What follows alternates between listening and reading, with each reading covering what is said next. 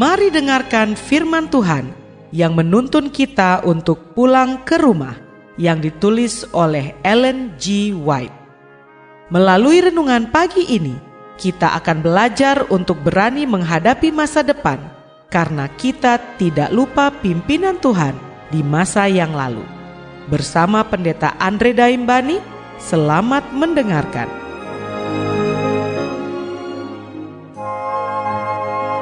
Shalom, selamat pagi saudaraku. Renungan pagi kita hari ini 19 Mei berjudul Kuasa atas doa sendirian. Ayat intinya diambil dari Matius 6 ayat 6. Demikian firman Tuhan. Tetapi jika engkau berdoa, masuklah ke dalam kamarmu, tutuplah pintu, dan berdoalah kepada Bapamu yang ada di tempat tersembunyi maka Bapamu yang melihat yang tersembunyi akan membalasnya kepadamu. Mari kita dengarkan penjelasannya. Milikilah suatu tempat untuk berdoa pribadi. Yesus telah memilih tempat-tempat untuk berhubungan dengan Allah, dan kita pun haruslah demikian. Kita perlu sering mengasingkan diri ke suatu tempat, betapapun sederhananya di mana kita dapat sendirian dengan Allah. Berdoalah kepada Bapamu yang ada di tempat tersembunyi.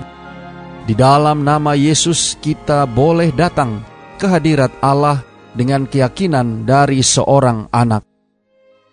Tidak seorang pun diperlukan untuk bertindak sebagai perantara.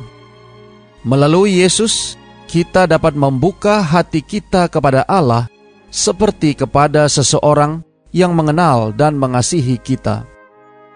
Di dalam tempat berdoa yang penuh keheningan, di mana tidak ada mata kecuali mata Allah yang dapat melihat, tidak ada telinga kecuali telinganya yang dapat mendengar, kita dapat mencurahkan keinginan dan kerinduan kita yang tersembunyi kepada Bapa dari belas kasihan yang tak terhingga itu dan di dalam keheningan dan ketenangan jiwa, suara yang tidak pernah lalai untuk menjawab seruan keperluan manusia akan berbicara ke dalam hati kita. Orang-orang yang mencari Allah secara pribadi menceritakan keperluan mereka dan meminta pertolongan tidak akan memohon dengan sia-sia. Maka Bapamu yang melihat yang tersembunyi akan membalasnya kepadamu.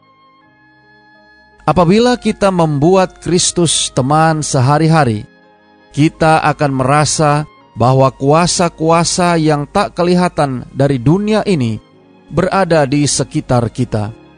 Dan oleh melihat kepada Yesus, kita akan disatukan dengan gambarnya. Oleh melihat, kita menjadi berubah. Tabiat dihaluskan, dilembutkan, dan dimuliakan untuk kerajaan surga. Hasil yang pasti dari hubungan dan persahabatan kita dengan Allah akan menambah belas kasihan, kesucian, dan kegairahan. Akan ada pertumbuhan kecerdasan di dalam doa. Kita sedang menerima suatu pendidikan ilahi, dan ini dilukiskan dalam suatu kehidupan yang rajin dan giat. Saudara-saudara yang kekasih di dalam Tuhan, jiwa yang berbalik kepada Allah untuk memperoleh pertolongan, dukungan, kuasa oleh doa setiap hari dengan sungguh-sungguh akan memperoleh aspirasi yang mulia, persepsi kebenaran dan tugas yang jelas, maksud-maksud tindakan yang agung, dan lapar dan dahaga akan kebenaran yang terus-menerus. Oleh mempertahankan hubungan dengan Allah, kita akan disanggupkan untuk menyebarkan kepada orang-orang lain lewat pergaulan kita dengan mereka terang, damai, ketenangan yang berkuasa di dalam hati kita. Kekuatan yang diperoleh di dalam doa kita kepada Allah bersatu dengan upaya yang tekun di dalam melatih pikiran dalam keprihatinan dan menaruh perhatian mempersiapkan seseorang untuk tugas harian dan memelihara roh kedamaian dalam segala keadaan. Khotbah di atas bukit, halaman 84 dan 85. Doa kita hari ini. Bapa, terima kasih. Melalui renungan pagi ini, kami boleh belajar bagaimana orang-orang yang mencari Allah tidak akan memohon dengan sia-sia. Terima kasih melalui renungan pagi ini kami boleh belajar bagaimana pentingnya berdoa secara pribadi. Tolong kami hari ini Bapa, biarlah dengan pertolongan kuasa roh kudusmu, kami boleh dapat disanggupkan untuk senantiasa terhubung dengan Engkau, sehingga saat kami membawakan segala doa-doa kami, sekalipun melalui tempat yang tersembunyi, Engkau akan menjawab dan memberikan yang terbaik sesuai dengan kehendakmu. Terima kasih Bapa.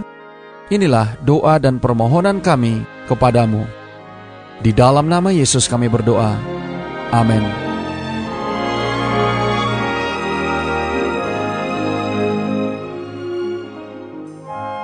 Demikianlah tadi pembahasan tentang pulang ke rumah. Semoga firman Tuhan hari ini dapat menjadi berkat bagi Anda.